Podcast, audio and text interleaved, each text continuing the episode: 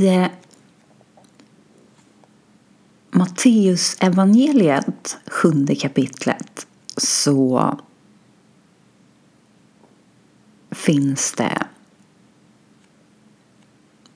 riktigt bra saker som Jesus säger. De finns på motsvarande sätt även i Lukas evangeliet.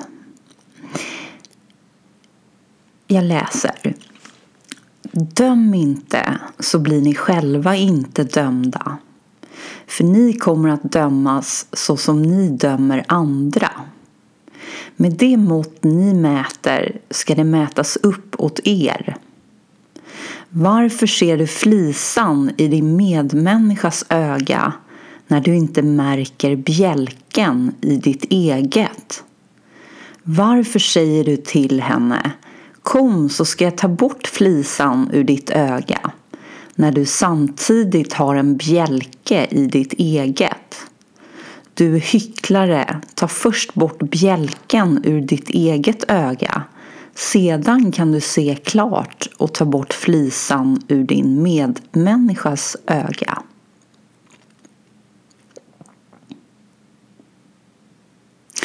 jag tänkte att vi skulle börja med att titta på det här som handlar om varför ser du flisan i din medmänniskas öga när du inte märker bjälken i ditt eget? Alltså på något sätt handlar det här om att vi ser lättare saker i andra än i oss själva om vi får kalla det för det. Och Jesus gör det här extra tydligt genom att på något sätt också visa för oss att det vi ser hos andra är en spegling av det som finns i oss. Och han gör det ju väldigt tydligt genom att säga varför ser du flisan i din medmänniskas öga när du inte ser bjälken i ditt eget? Och det, en bjälke är ju betydligt större än en flisa. Så att här förstår vi på något sätt att det vi ser i andra och kanske irriterar oss på eller eh, vi anser att de behöver ändra på vissa beteenden eller så är det på något sätt ändå till slut så att vi faktiskt måste inse att anledningen till att vi ser det hos andra är för att det också finns i oss, i våra egna beteendemönster.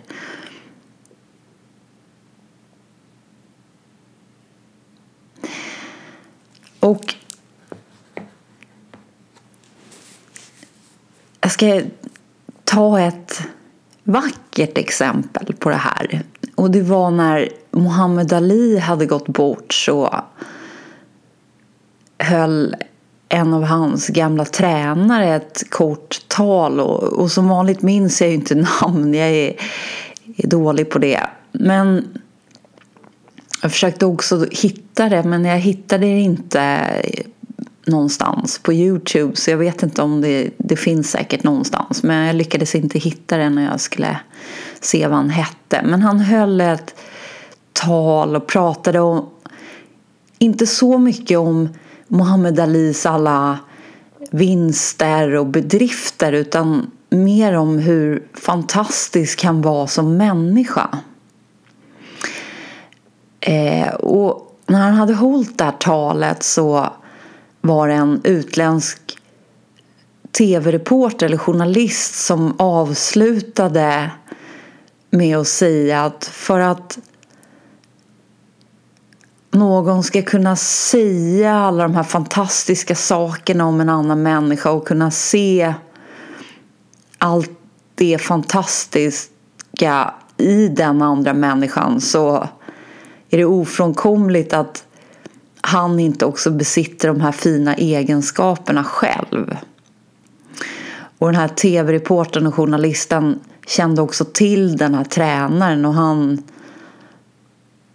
var om möjligt kanske än mer fantastisk än vad Muhammad Ali var. Och, och det är just den här speglingen men om vi lägger den i ett positivt ljus. Att också det fina som vi ser i våra medmänniskor.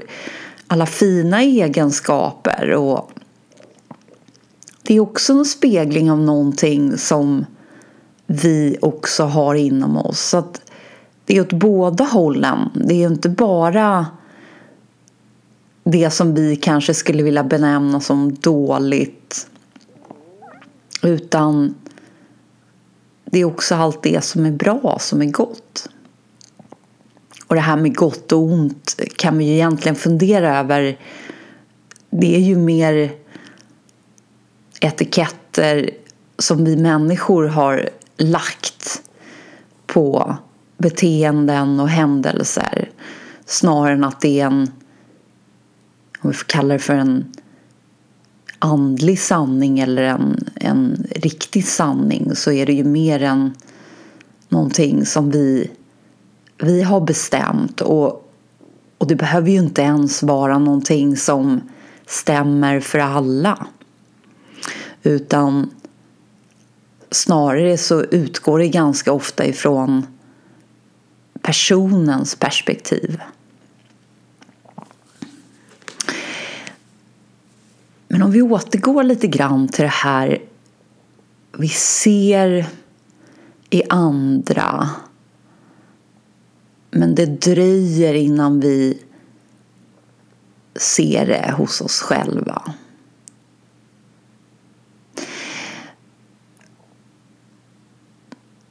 Ett till exempel som kommer upp och som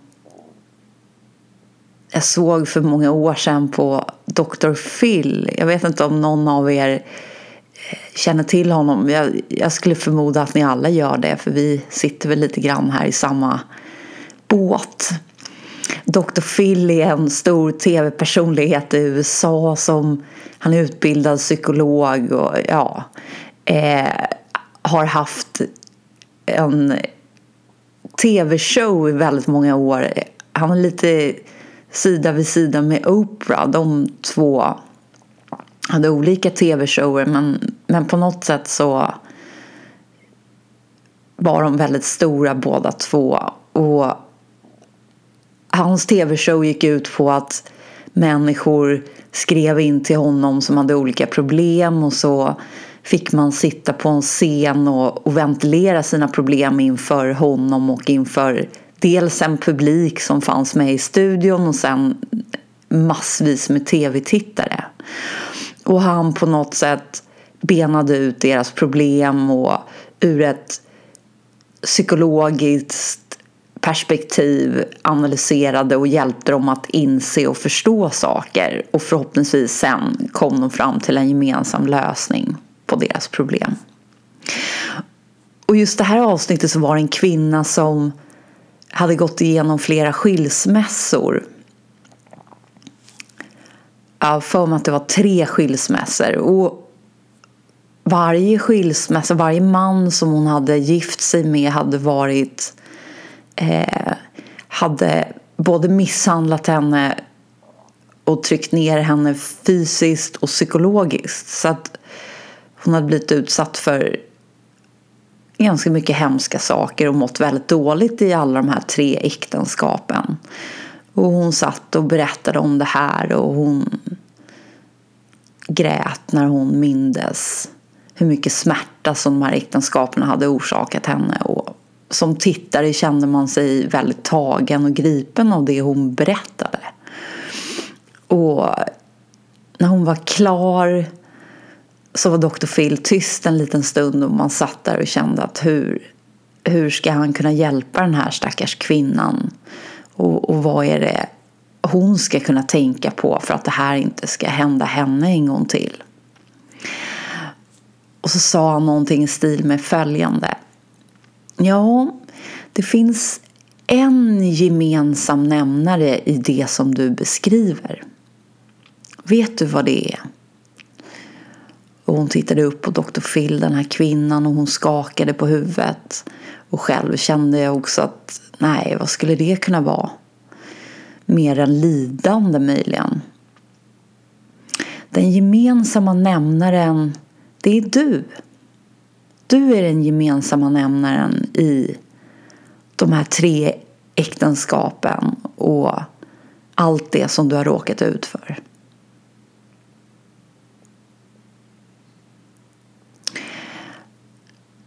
Och alla ni som har sett Dr. Phil och som indirekt känner honom lite grann i hur han är och agerar. Ni vet att han är fullständigt neutral när han säger de här sakerna. Vilket gör att han blir så varm och kärleksfull därför att han dömer inte i sin energi. Han sitter inte med en pekpinne på någon hög häst och säger de här sakerna utan han säger det verkligen med värme och medmänsklighet på ett så klarsynt sätt. Så att det är väldigt få som kan ta det som en personlig förolämpning. Vilket den här kvinnan inte gjorde utan det syntes tydligt hur det han sa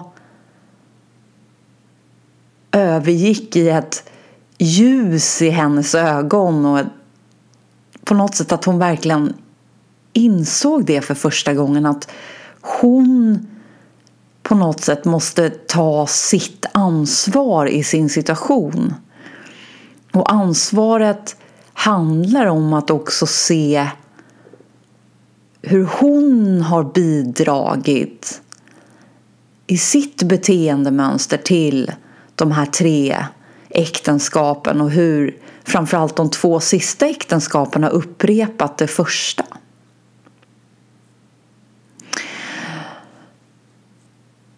Så om vi återgår lite till det som Jesus pekar på så handlar det väldigt mycket om att det börjar med att vi ser hos andra eller vår omvärld saker.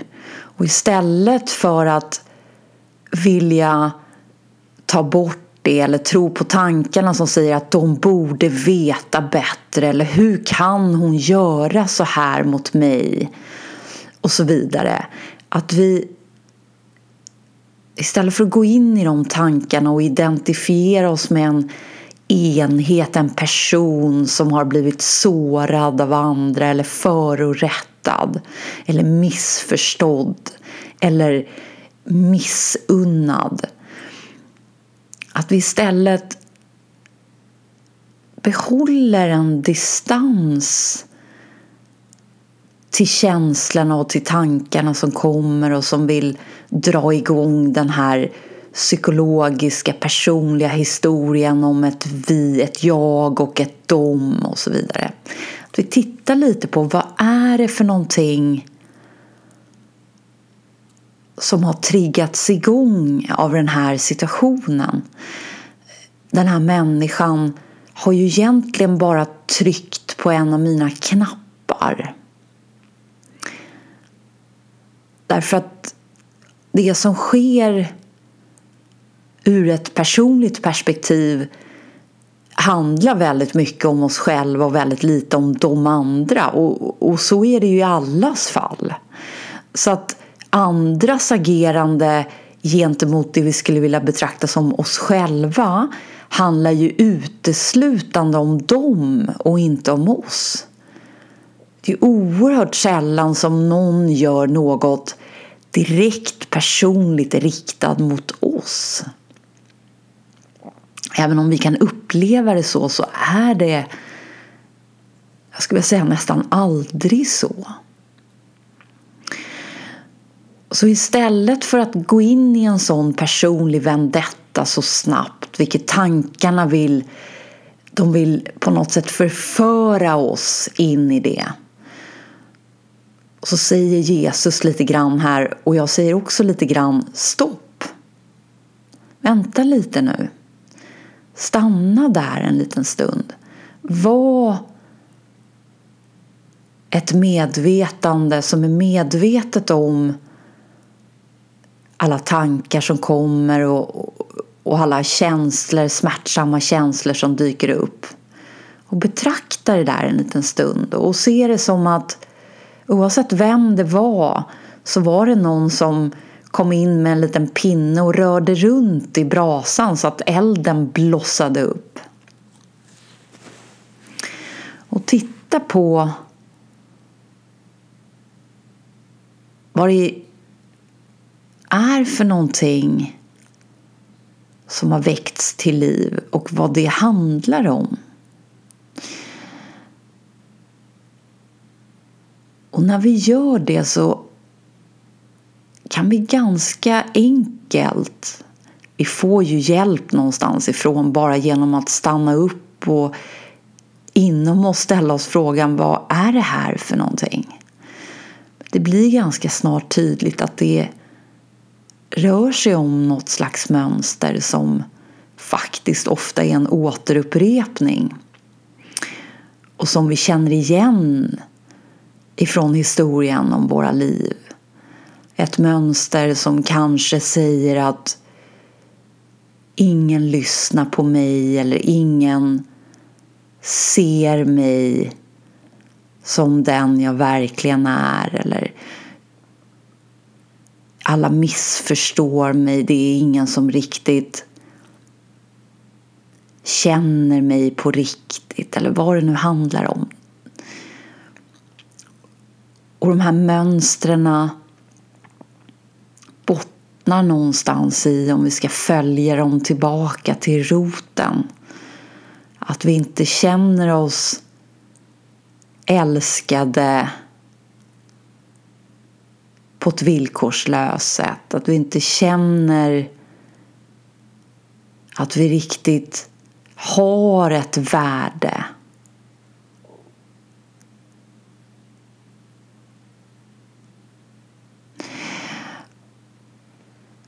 Och nu är vi tillbaka lite där vi började för flera episoder sedan. Det här med lidande och, och någonstans allt vi gör för att slippa undan lidande i form av mänskligt beteende som handlar om att vi väljer att fly på olika sätt ifrån att till en början vara med de här känslorna som blossar upp och även tankemönster som kommer utan att gå in i dem utan faktiskt bara sitta med dem en stund. Och vi kanske vi gör alla möjliga saker. Det spelar egentligen mindre roll vad vi gör om det är att vi vill resa eller att vi flyr in i vi läser eller vi tittar på serier eller vi äter något gott eller vi eh, dricker eller oavsett vad vi gör. Det är faktiskt mycket mindre viktigt. Därför att nu vill vi lyfta oss, vi vill lyfta blicken högre än så. Så låt oss istället konstatera att oavsett vad vi har valt för flykt beteende från att verkligen ta tag i och egentligen inte ta tag i som att det behöver städas upp en massa här utan det enda som behövs är ju att rikta ljuset hit. För så fort vi gör det, så fort vi tänder lampan åt det här hållet ja då försvinner mörkret. Och låt oss vara större än att på något sätt skuldbelägga någonting av det här därför att det existerar ingen separering. Och är det någon som lever och verkar idag som har gjort det här fantastiskt tydligt så är det Eckart Tolle. En som mästare i att bunta ihop det här på en kollektiv nivå där det hör hemma. Det här, mina vänner, är mänskligt beteende. Det är inte du eller du eller du som gör så här, men jag minsann, jag är bättre än så. I samma sekund som vi tror på den tanken, då kan vi bara vara övertygade om att vi ligger längst ner på botten av den sjunkande båten. Det här är mänskligt beteende. Låt oss med nyfikenhet betrakta det mänskliga beteendemönstret så att vi kan släppa det. Bli medvetna om det så att vi kan släppa det genom att helt enkelt inse att det där ska jag inte vidröra mer. Jag stannar på nivån bevittnande men jag går inte blint in i de här förföriska, förledande tankarna och känslorna som fullständigt suger in mig i en tornado där jag sen slungas runt utan kontroll. För det enda som det leder till, det är lidande. Det finns ingenting gott som kommer komma där.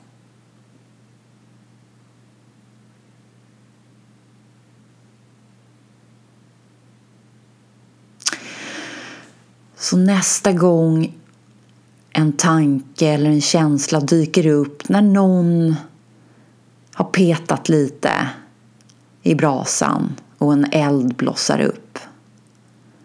Välj inte vilket tankarna gärna vill. Välj inte att identifiera dig som ett jag och sen den andra personen som en han eller en hon eller dom. För då är det kört. Utan uppehåll dig vid att vara bevittnandet, att vara medveten om det som kommer och betrakta det utan att döma bli som Dr. Phil som sitter där och lyssnar och riktar lampan. Och ur en neutral position så klarsynt konstatera någonting.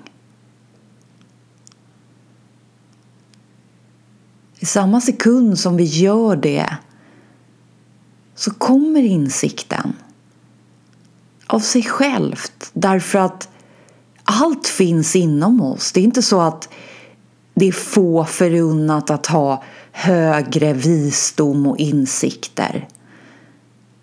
Vi har alla all kunskap och alla insikter och all visdom inom oss.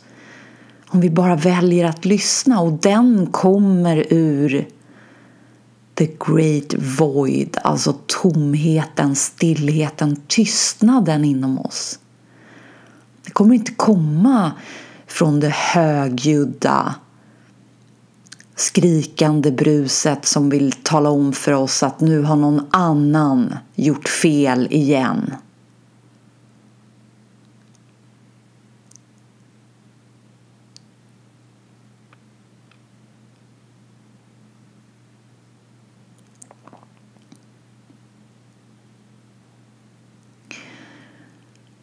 Och lägg ingen skuld, gör inte personligt varken vad som vill reagera hos er eller vad som har agerat. Därför att det finns ingen riktig separering. Det är ett flöde och det är också en spegling som uppstår av någon som speglar sig. Och denna någon står i er, hos er. Först när vi gör det här kan vi på något sätt avsäga oss ifrån en reaktion som på något sätt skulle förlänga det här lidandet och det här mönstret. I samma sekund som vi avsäger oss från det genom att klarsynt se vad det egentligen handlar om så kommer vi indirekt att bli av med det. Därför att det är inte längre någonting som blåser liv i den där elden. En slicks av sig själv. Det kanske tar en liten stund. Glöden stannar en stund men den kommer att ebba ut.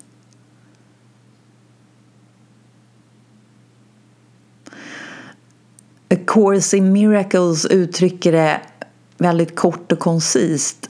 Den säger så här. Would you rather be happy or would you rather be right? Du har ett val här. Vill du må bra? Vill du vara lycklig? Vill du ha det lugnt och stillsamt? Eller vill du gå in i den här förföriska rösten som egentligen bara är en hord av tankar blandat med känslor som kommer som en mörk tornadovind och plöjer inom dig och som talar om för dig att du har min sann rätt i den här situationen. Ingen ska få säga så här till dig. Ingen ska få göra så här. Medan sanningen som alltid är neutral därför att den inte tar parti för någon speciell säger att det enda som är sant i den här situationen är att det här var det som hände. På samma sätt som att äpplet föll. Och det träffade tusentals organismer just på den lilla markplätten där det landade. Och de upphörde därmed att existera i sin befintliga form. Det var inget personligt, det hände.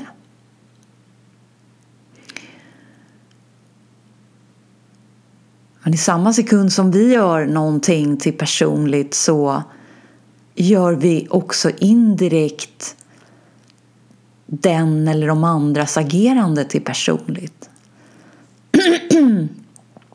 Och då blir smärtan förstärkt hos oss.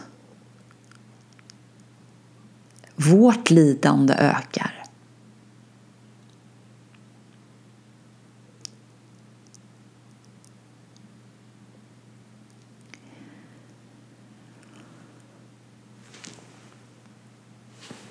Så om vi går tillbaka en gång till till det Jesus sa här i Matteus evangeliet sjunde kapitlet. Döm inte så blir ni själva inte dömda. För ni kommer att dömas så fort som ni dömer andra. Med det mått ni mäter ska det mätas upp åt er. Varför ser du flisan i din medmänniskas öga när du inte märker bjälken i ditt eget? Varför säger du till henne Kom så ska jag ta bort flisan ur ditt öga när du samtidigt har en bjälke i ditt eget? Du hycklare, ta först bort bjälken ur ditt eget öga. Sedan kan du se klart och ta bort flisan ur din medmänniskas öga.